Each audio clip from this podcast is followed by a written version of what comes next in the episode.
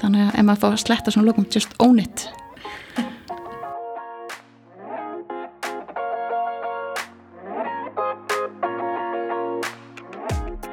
Ég heiti Alma Dóra Ríkarsdóttir og þú ert að hlusta hlaðarpið Konur í nýsköpun.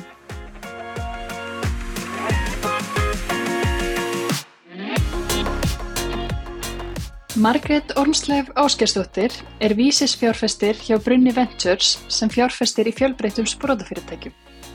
Margrét saði mig frá sinni vegferð hvernig hún hefur fengið frábær aðdunutækifæri, hverju þau eru að leita að hjá Brunni og hvaða ráð hún gefur frumkvölum. Þetta er þátturinn Vísis fjárfestingar snúast meira um EQ en IQ með Margréti Ormsleif Áskersdóttur.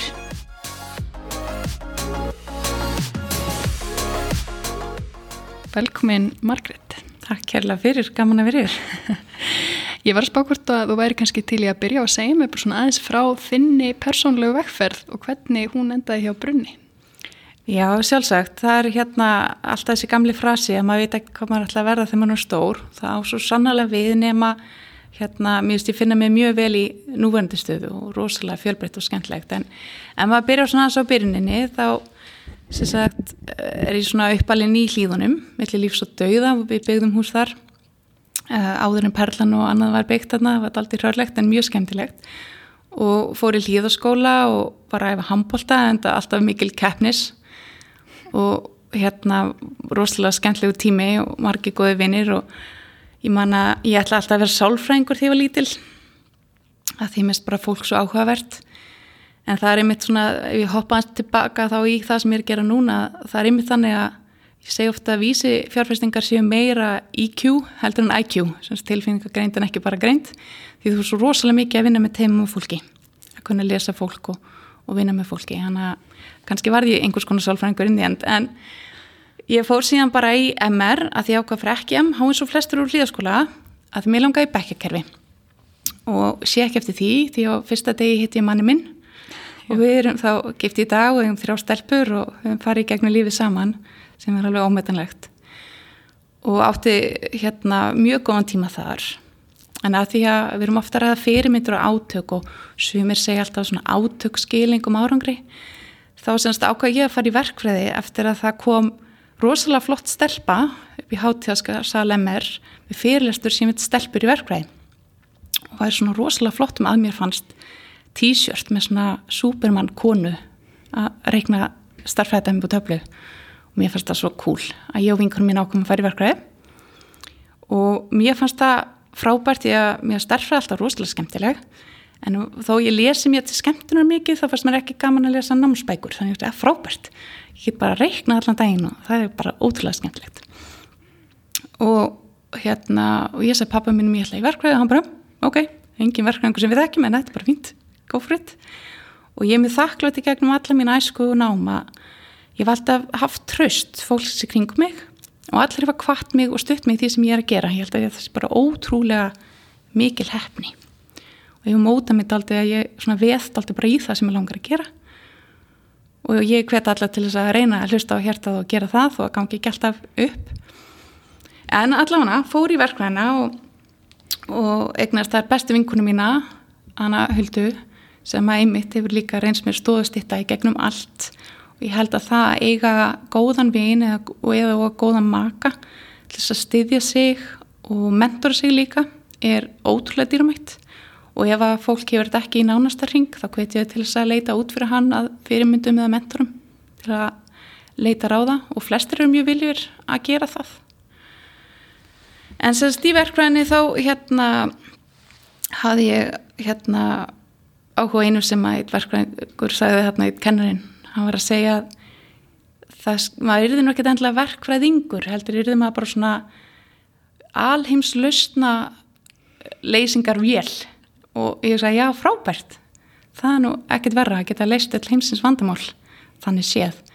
Og þess vegna endist ég alveg í þessu námi þó sem ég finnst það þurft að ég sá fyrir mér að ég geti leist bara hvaða vandamál sem ég langaði að leysa og var með rosalega skemmtilegu fólki þannig að það var alveg ekki um, eftir verkvæðina þá fór ég að vinna á verkvæðstofu eða eiginlega byrjaði í verkvæðinni og það sem að aftur með kvartningu og annað að þar hafði fólk trúa mér. Ég var að vinna verkefni í tæknitegnun og var alveg fín í að teikna í AutoCAD og eitthvað svona en vissi ekkert hvað þessir vélhlutar í þessum bílum og annað hétu og það var svona verkvæðstofa í næstu götu við mig. Þannig ég fó bara með teikningan þar og það er einhver sem getur sagt með hvað þessi hlutir heita svo ég geti gert magtökulistan hérna á spársinni og þá settist ég niður með einum sem var einna eigundum stofunar og hann fór alveg þetta er polti og þetta er ró og hérna hjálpaði mér gegnum það. Svo endaði með að segja já þetta er bara heldur fínt hér hérna okkur vantilega tæknategnara getur vantilega starf með hérna námi? Og ég var bara frábært og ég fekk að vera þar og fekk mörg tækifæri og tröst og vann mig í hérna vinnum gæðamálum, einlega ísústala með gæðastúranum, fór í hérna yngöpastjórnun fyrir hellisæðvirkjun og þar fór ég daldi inn í þá orkumálinn og fekk áhuga á því. Var þá, jarfanum ég var náttúrulega alveg the thing á þessum tíma, þó að fleiri orku hérna gjafar og annað kom upp núna, þá var þetta rosalega skemmtilegur og góðu tími. Þú veist að vera skipulaður, komast inn í orkugeiran, fá að vinna með þessum reynslu boltum á verkvæðstofunni um, til þess að átti sér betur á hlutunum. En svo var ég svo heppin að eitt hjá verkvæðstofunni fór að vinna í hérna, banka í svona endinlega orkuteimi, alþjóðlegum verkefnum og nýfti í mig og þá eins og allir á þessum árum fór ég í bankan að vinna. Og þar vann ég að, að fjármögnun og, og svona skemmtilegum verkefnum þar og var að vinna þá með Árna Blöndal sem er einn af partnerunum í Brunni. Og svo kom Guðblas Ísland eins og sömum er kunnugt og þetta var allt saman lagt neyður og þá fóð maður eins og hérna, samviskursfomt fólk gerir að taka til í lánasafninu og endur skiplega gegnir og maður lærði hellinga því í erfiðum samningum. Það er aldrei gaman að sita fundi þar sem fólk er að missa allt sitt og þurfa að taka því og reyna að huga það því að oft voru ekki aðra lausnir í búði en stundum maður reynd sitt besta Um, svo árið 2011 er það sem ég kem þá inn í rauninni frumkvöla bransa. En í millitíðinni var ég líka búin að taka tvo master í annan í endurlíðanlegum orkukerfum sem var kentur á Akureyri í alþjóðlum skóla. Ég ætla alltaf að fara út í nám en svo einhvern veginn leið mér alltaf svo vel á Íslandi þannig ég fór alveg mitt útlenska nám á Akureyri að því við búin bara tveir Íslandingar í náminu Þannig að það var samt rosalega skemmtlegt og hérna eignast tengslu við fylgta fólki sem er á skemmtilegum stöðum út í heim í dag og tók líka master í hagfræði. Af því að mér fannst einhvern veginn skrítið á þessum tíma, það var mikið verið að tala um vexti og verðbólgur og annað og maður var að byrja að reyka heimili og vinna í banka og maður eitthvað. Það er ekki að læra hans betur inn á þetta bara sem að sé gildur þjóðfélagstegn. Þannig ég tók það svona með meðvinnu og, og var þá líka að koma með tvei börn og var bara mjög skemmtlu tími. Og þá fer ég inn í þetta lifandi umhverfi sem er nýskupramál því bankin á hvaða leggja áslaf það. Og þá fekk maður bakteríuna svona af alvöru. Og þá var ég að vinna mikið með það sem hétt Innovit og Klag og núna heitir Icelandic Startups við vorum mikið að tengja frumkvöla við bankan þá er henni bara auka skilning begja á aðstæðum og möguleikum báðum einn bors einnig við fjárfesta og, og ríkistjórnir og fann ímis verkefni á vegum ríkisins og sem sneru að þessu í rauninu öllu saman. Og það var líka frábær reynsla þannig að það var svona mitt, fyrst, mitt fyrsta þema í nýsköpunamálum var þá þetta umhverfi. Og hagaðilar og að tengja fólk. Um, eftir þennan tíma þá svona 2014 fór ég að hugsa þeir eru nú kannski að fara að finna þess meira á einn skinni hvernig það væri að vera startup. Og leiti kringum mig og, og pröfaði eh, fyrir mér svona einhverju stöðum og endaði svo hérna carbon recycling, það er eitthvað neginn saminast allt það sem ég hafði áhuga á. Veist, það var græn orka það var verkfræði það var verið að ná alls, alls konar alþjóðlega fjárfesta inn það var að byggja verksmiðju og hérna og ég byrjaði þar 2015 í upphav árs og það var rosalega krefjandi en rosalega skemmtilegu tími. Og það sem þakklátt ástur fyrir uh, í startup er fólki í kringumann samstagsfólki og teimið og þar bara sá maður strax að teimið skiptir öllu máli. Því að þú veist, maður getur mjög fljótt úr leiður í vinnunni ef að maður finnur ekki til samkendar og allir sé að róa í sumu átt. Þannig að hérna var þar alveg rúm 6 ár og náðu þá er henni við stækkuðum verksmiðuna, við náðum einn alþjóðlega fjármagni, stafnum dóttufélag í Kína og hérna og svo þegar ég fer þá erum við undirbúa skráningu á markað það var orðinni mér bara mjög góðu tími, kannski næsti kapli félagsins að hefjast og þetta startup fasi kannski orðin minni. Því að ymmit þarna 2020-2021 þá hérna kemur orðni að málu við mig og segja, heyrðu við ætlum að hérna, stopna sjónum með tvö og þurfum að stækka teimið og ég ákvaði að slá til að því að þetta var eitthvað sem ég þótti líka skemmtilegt að taka þá kapla þrjú sem væri þá í raun að vera fjárfesta megin því ég var búin að díla við fjárfesta og reyka fyrirtækið í þetta langa tíma. Þannig að nú er ég eiginlega komið svona full circle í öllu nýsköpnum umkörnu búin að vera allstaðar og þá getur maður svona samsama sig við í rauninni um, alla og öllum stegum og það heldur sér mikil kostur í minn starfi. Og það er svo gaman hjá okkur brunni líka að við erum öll sko fyrirvægandi stopnendur eða stjórnendur í startup fyrirtækjum þannig einmitt höfum mikið skilning á því veist hvernig það er að standa í harkinu og vitum hvenar þarf að gefa slaka og hvenar þarf að draga að reypið til þess að halda fólki við efnið. Þannig að þetta er bara búið að vera rúslega skemmtilega ekkferð og komin hinga í dag þá með þrjástælpur og, við í garðabænum og, og hérna allt svona kannski klassist sem er á yfirborðinu. En ég vona allavega að maður nái að láta eitthvað gott að sé leiða í þessu starfi sem á öðru og gefa af sér því að ég hef trú að karma. Ég reyna alltaf að gefa mér þó að maður auðvitað þurfa að vita sín mörg að, að, að hérna, gangi ekki og næri sér. En maður finnur að það kemur alltaf tilbaka markvald þú veist, öll mín tækifæri að því ég hef haft opin, eða þegar ég hef haft opin hugun, því stundum er maður svo þreytur og maður bara lokar þeim og, og segir nei ekki núna. En maður þarf að reglulega neipa í sjána sig og, og Hulda Vinkun hefur gert það líka með mér að svona, heyrðu, nú þarf að opna hugun og, og þá hafa bara tækifæri alltaf komið upp. Það er svo skemmtlegt Akkurat. Og hvað er það sem þið gerir hjá Brunni Ventures og hvað gerir ykkur að sérstökum sjóði? Já, það er hérna kannski óþarfi fyrir þennan hóp að útskýra hvað vísisjóður er en við erum semst í því að fjárfesta snemma í fyrirtækjum sem stefna á alþjóðlan vöxt og geta margfald að verði sitt á innan við helst 57 árum um, að því líftími svona sjóða er almennt 10 ár.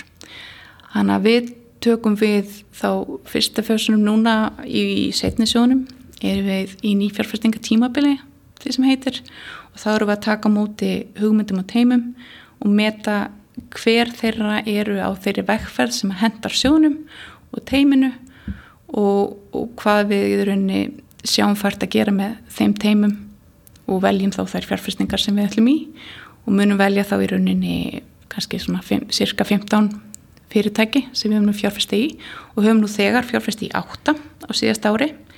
Hefur nú ekki allt verið tilkynnt í fjölumilum sem skýrir líklega og eðlilega um, þá umröðu að enginn hvernfrum kvöðl hafi fengið fjárfæstingu á síðast ári sem er í rauninni ekki rétt. Uh, við fjárfæstum í fyrirtæki sem er alfarið eigu eins hvernfrum kvöðls og hlökkum mikið til að segja frá því þegar það má. Uh, en svona aðstæðana vegna hennar meginn þá hérna erum við í stelðmót með félagi þanga til það er komið lengra en það verður rosa gaman og við höfum hérna um 8,3 miljardar í þessum sjóði en 5 miljardar í fyrirsjóði og fyrirsjóður uh, fjárfesti í 11 félagum og það er um 10% pitcha sem kom til okkar alfarið konur og þá eitt af átta félögum okkar var alferði styrt af konum. Þannig að enn sem komið er, er hlutvellinni ágetustandi en við þurfum að huga þeim þó við getum ekki styrt þeim alferði. En þess vegna eru hlaðverf eins og þessi svo mikilvæg að benda á fyrirmyndir, benda á þetta sé hægt til þess að auka flæðið um, því að þetta mun,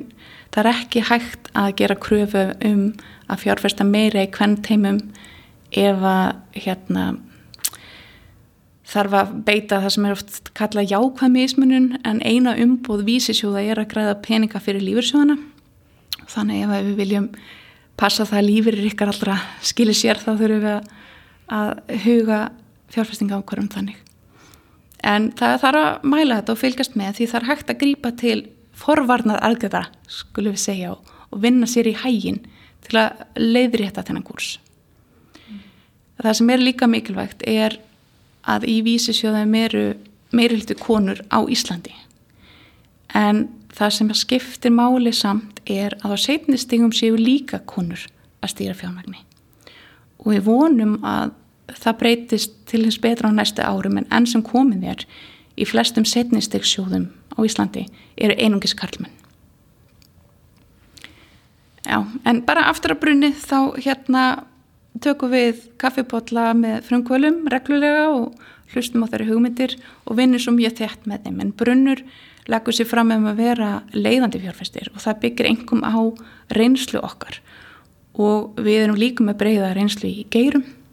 Við erum með allt frá því að vera í tölvuleikjum og software yfir í Climate Tech og Industry 4.0 yfir í líftækni og farma entertainment og media. Þannig við höfum sterk tengsl út í lönd sem við nýtum okkur til að koma félagun okkur lengra eftir að við höfum komið inn. Og það er svona kannski okkar sérstaða fælst engum þar Akkurat og myndist á tvo púntar sem eru mér svona hann mikilvægir uh, og ég spáði mikið sem eru náttúrulega jöfntækifæri og fjölbreytni og kannski fjölbreytt teimi allra helst um, Mér langar að spyrja af, af hverju er þetta mikilvægt? Af, af hverju þurfum við að spá í þessu að þínum að þið? Nú þarf maður náttúrulega að segja alltaf kleysjunar því þær eru réttar. Að því fjölbreyttari teimi því betri ákvarðanir. Þá er, þá er veld steinum sem annars myndur liggja kjörir og þá getur maður séð tækifæri eða galla fyrr. Og í sprota heiminum er mjög mikilvægt að sjá það sem fyrst til þess að eigða ekki tíma og orku og peningum í að elda einhverja vittlesu. Og því fjölbreyttari teimi því líklega er að þetta gerist. Og það er unni bara einfalda svarið en fjölbreytni á við ekki bara um kín heldur líka aldur og reynslu og hérna svona þessi erlenda reynsla hjálpar líka oft á tíðum. Akkurat. Ef að við svona horfum fram í, fram í framtíðina og hérna og ef við erum að vonast til þess að þessi hlutföll jafnist og hvernig það, sagt, hvernig það verður um, hvað myndir þú halda að þurfa að breytast til þess að við sjáum jafnari hlutföll í fjárfestingum og líka bara í þáttöku hvenna í nýskupinu heiminum og frumkvæðla störfum bara yfir höfuð? Sko það kannski Eitt er þessar fyrirmyndir sem ég ætla ekki að fara mikið í hefur verið kofverað ágætla í, í hlaðverfbónu og ég held að flesti séu sammála um. Sérstaklega kannski mín kynslu hvenna sem ólst upp við svo sterkar fyrirmyndir uh, í viktísi Fimboðadóttur, Rannvöngurist, Byrnu Einars og konum sem vorum í ábyrgandi í þóðulvinu og maður gætt hort upp til. Þannig við þurfum að halda til haga fyrirmyndum alltaf. Um, það sem að skiptir líkamáli er þriðja vaktin. Og ég held að þetta sé mjög vanmetið hversu mikið af heimlislífi og fjölskyldulífi lendir á konum. Og hérna þær þurfa að vera framgöndastjórar uh, heima hjá sér og í fyrirtækunum og mögulega að gera flest verkefnin á báðum stöðum líka. Og þetta krefst gríðalegra orku um, þannig að það er sem betur fyrir á Íslandi margt sem léttir undir en það er ennþá mikið almanna áleitt og stigma ef að konu leita sér hjálpar þarna til dæmis. Mjög stolt af mörgum ungumönnum sem er að stíga upp í, í fæðingarólofi og hugafarsbreytingu þannig að þetta er það örlur á breytingu en það þarf að halda þessu við og hlúa þessu til að missa þetta ekki niður En síðan er alls konar litli hlutir sem skipta með vonli eins og orðræðan. Og ég er mjög hrifin af greinum og annað sem ég hef lesið og, og vil svona skora á fólk sem er það núti að tilenga sér og ég er sjálfa að reyna að tilenga mér í, í daglegu lífi, bara erfitt að breyta orðfæristundum eftir 40 ár. En það er ekkert í allan að mjög vitandi íslensku sem, sem bannur okkur að nota orði fólk í staði fyrir menn. Veist, það þurfa ekki að vera starfsmenn það þurfa, maður getur sagt starfsfólk og frumkvölar ráðherra og forstjórar eru karlkins orð en við þurfum ekki nota karlkins personufornöfn alltaf í því samhengi þegar ekki verið að tala um einhverja personu sem er annars eða einhvers kynns um, til dæmis að læða einn einstakar sinnum þegar við erum að tala um einhverja framtíða forstjóra eða ambiguous hérna afsækislettuna ráð þeirra segi bara hún, hún eða sérstaklega frumkvöldin held ég að þarna sé mjög gæmt að segja alltaf hann.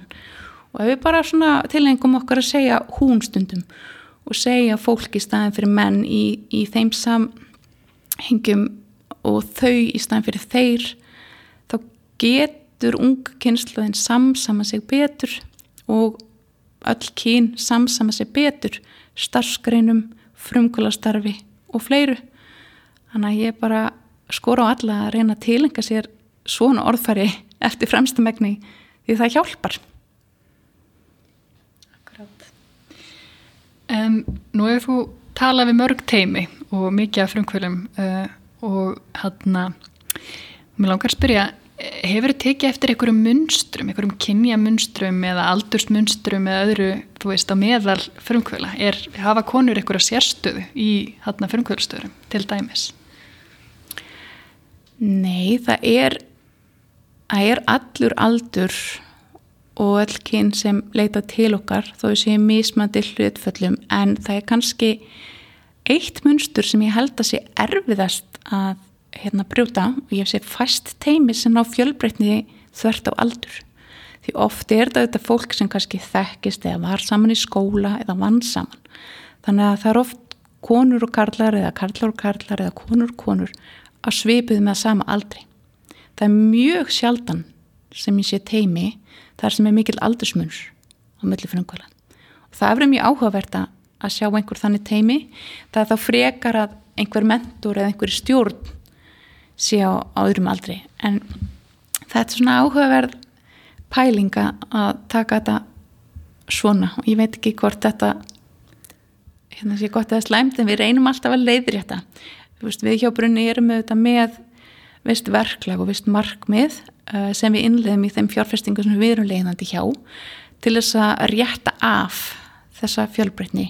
Því að eins og nefnir og eins og fólk hefur séð þetta í fréttum að ofti eru teimin eimsleitt er að vara stopnendur og lítið kannski hægt að breyta því eftir á en með eins og við vorum að nefna forvörnum og markastarfi er hægt að breyta því til framtíðar.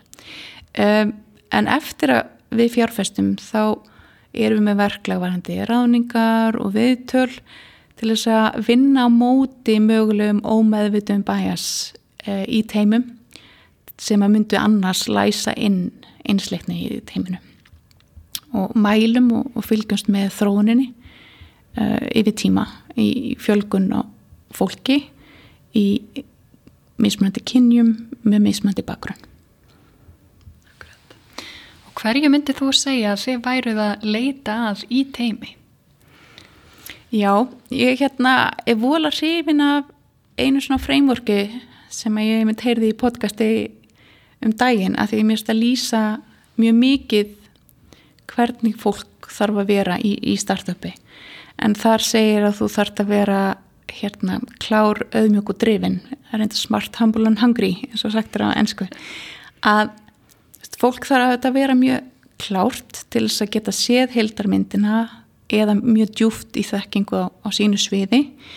Um, það þarf að vera auðmjúkt fyrir því að það veit ekki allt og það get ekki gert allt og bera virðingu fyrir öðrum að, að hérna, þykja hjálp og veita öðrum hjálp. Og það þarf að vera drifið að því að þetta er rosalega erfið vegferð og ef þú ert ekki með innra passjón og fyrir endatakmarkinu sem þú ert að vinnað þá er frekar líklegt að gefist sér upp á leiðinni. Og þetta á við bæðum frumkvöla og svo mæli oft með við frumkvöla þegar þau eru að ráða inn fólk að leita eftir þessum ynginum til þess að teimið sé þá í heildina alltaf að læra bæði af markanum, af hvert öðru, styðji hvert annað og séu öll að hlaupa í sumu átt. Akkurat. Nú ætla ég að spyrja því hvort þú væri með eitthvað góð ráð. Þetta eru náttúrulega góð ráð til frumkvæla en ert, ertu með eitthvað fleiri, eitthvað fleiri gullmóla sem þú myndi vilja deila með frumkvælum sem er að hlusta? Já, það er helst bara þetta með sko, þrautsegjuna og velja rétt fólk kringum sig sem skiptir máli og rétt fólk þá ég náttúrulega ekki bara við starfsfólk og, og kófandur eða meðstofnendur heldur líka auðvitað fjárfestana og stjórn. Og að ræða opinskátt heima við líka ef þú vart maka eða foreldra að í, í hverju vegferðin fælst og af hverju þú ert að fara í þessa vegferð til þess að myndist ekki núningur á heimilinu um, að það sé skilningur og jafnvel einhvað tímabland, veist, ég ætla að gefa, gefa þessu svona langan tíma eða svona ef ekki pening og þá getur, hérna, getur heimilsfólk líka sett mörg bara ok, ég hef skilning á þinni bakferð en þú ætti alltaf að vera heim á sunnutugum eða þú mátt ekki veða setja húsið. Eða veist, setja smá svona leikreglur þannig að það sé rammi en, en fólk hafi rými til þess að vera það sjálft á þessari vegferð af því að það er öruglega ekkert verra heldur en að vera frumkvöld og vera með samviskubit út af einhverju heimafyrir eða fá sífælt hérna eitthvað svona pílur þegar maður kemur heim. Um, þannig að ræði þetta ofinskátt áður maður heldur á stað svo allir í kring mann skilji hvað maður er að gangi í gegnum uh, og hvernig svo vegferð litur út. Svona gróft, hún veit aldrei hvernig hún lítur út en, en þú veist hvað maður allan ætlar að reyna að ná. Hvert markmiðið er? Já. Um, já, fólki langar að setja sér í samband við þig eða ykkur hjá brunni, hvernig nálgast það ykkur og hver eru svona fyrstu skrefin til þess að hana, hefja samræður? Það er náttúrulega einfaldast á Íslandi að flett manni bara upp á jábundrisni hérna og senda, þetta er best að senda kannski e-mail til þess að tryggja þetta sé hérna betur svara því að símtölu maður stundum á fundi eða einhver starf hlaupum. En bara velkomið að senda posta á margaret.brunurventures.com eða eitthvert okkar. Og við tökum annarkvært kaffipotlega og fólk er ennþá bara svona velta fyrir sér hlutunum. Uh, eða þau geta komið formulega kynningar ef að teimið er komið það langt. Um, og svo er ferli almennt þannig að við uh, skiptum aðeins með okkur þessum um, kynningum eftir fagsviði hvers og eins og, og vinnaðu svo saman og ræðum öll, allir partnerir í saminningu svona einnit eftir tömu vikum eftir kynningar bara eftir því hvað mikið af kynningum og vörklöti er þann dag þá vikuna. En við reynum alltaf að, að koma nei frekar hratt og bara svo það sé sagt þá eru fyrirtækin uh, alþjóðleg vakstar fyrirtæki að markvalda virði það er fullt af flottum og góðum fyrirtækjum sem er arðbar, mögulega að hafa mjög arðbæran rekstur sem henda bara ekki vísisjóðum. Þannig að við reynum líka að gefa fólki gott feedback, hvort sem er jáða nei, um næstu skref eða af hverju þetta var ekki fitt þó stundum er kannski erfið að henda reyður á það. Þá er allavega ef það er eitthvað augljóst eða eitthvað sem við teljum að, að hérna sé ástæða þess eins og oftast er það bara tímalengd eða vekkferðin hendar ekki. Og, og þá komum við með feedback. En ef að teimið og hugmyndin er lendir á þessu kannski svæði þá getur alveg tekið nokkra vikur í apil mánuði að greina það ofan í kjölinn því að það fer bara eftir flækust í hugmyndar og tækninar og teimisins hvað það tekur langa tíma. En að því sögðu þá hafa fjárfæsningar ákvæmur okkar tekið minnst sólring og mest þrjú ár. Þannig að það er allt þar á milli líka. En þetta er svona kannski staðlaða tímalínun. Akkurat. Um, nú er kannski eitthvað sem að gera eitthvað svolítið sérstökar. Þeir eru það fjárfæstatalsast snemma sem langaði að spyrja hversu stemma er ofsnemma? Hver er svona ykkar svítspott varðandi hvar fyrirtækinu eru stödd? Mm. Mm. Það er í rauninni þú þart að hafa teimi sem hefur sterka insýn í virðið sem þessi vara getur skapað og markan sem hún á að fara á. Ef þú hefur það, þá er aldrei ofsnemt að koma sækja penning. Um, þó það sé bara á servirtu. En ef þetta er bara á servirtu en þú hefur ekki þekkinguna til að meta þetta eða hefur ekki teimi sem ætlar að framkvæma þetta allt reddi, allan svona 90% reddi, þá hérna er ekki vist að við getum tekið af skarið fljótt.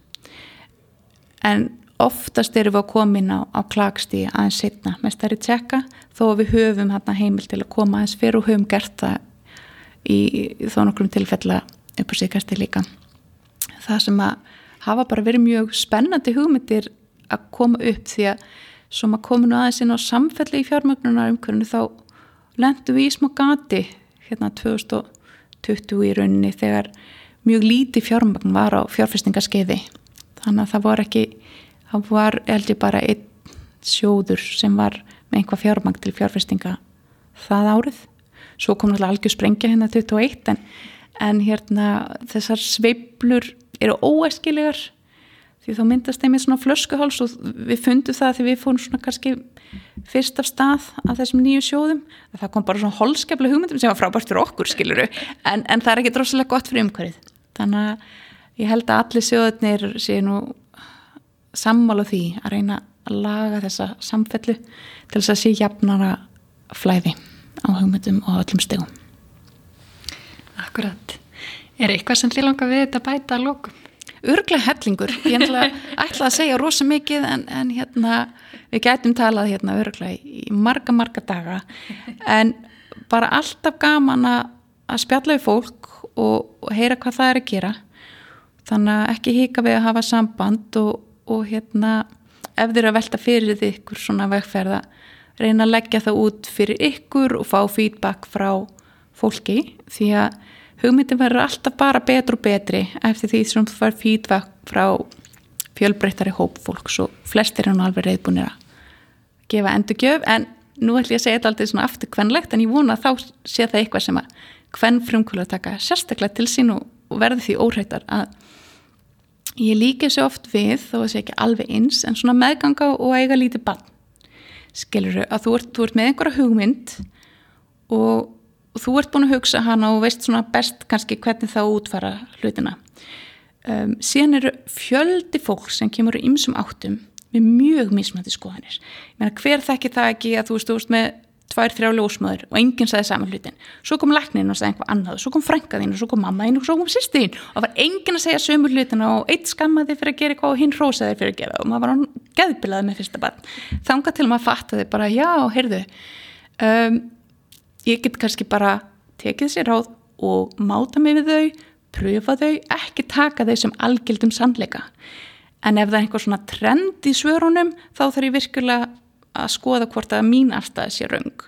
Ég held að sama ég við um fyrirtæki þú, þú tekur öll góð ráð inn og reynir að leita sem flestra ráða, mátar þau við þig og þitt fyrirtæki og þína hugmynd, sumt virkar, sumt ekki. Henda þér eða henda þér ekki. En ef að það er einhvað trend að koma aftur og aftur upp sem þú hefur vanlega svona ítti hliðar þá kannski þarf maður að endur, taka sjálfan sig upp og endur skoða því að það gæti verið einhver leindur sannleikur þar. Þannig að ég hugsa þetta sé kannski góð leið því annars er mjög hægt við að maður bara gefist upp því maður fáið svo misvísandi ráð. Þannig að ef maður fá að sletta svona lokum just own it. Þetta eru frábær lokaord. Takk kærlega fyrir komuna Margret takk fyrir mig og bara gangi ykkur vel og gaman að vera með þér í dag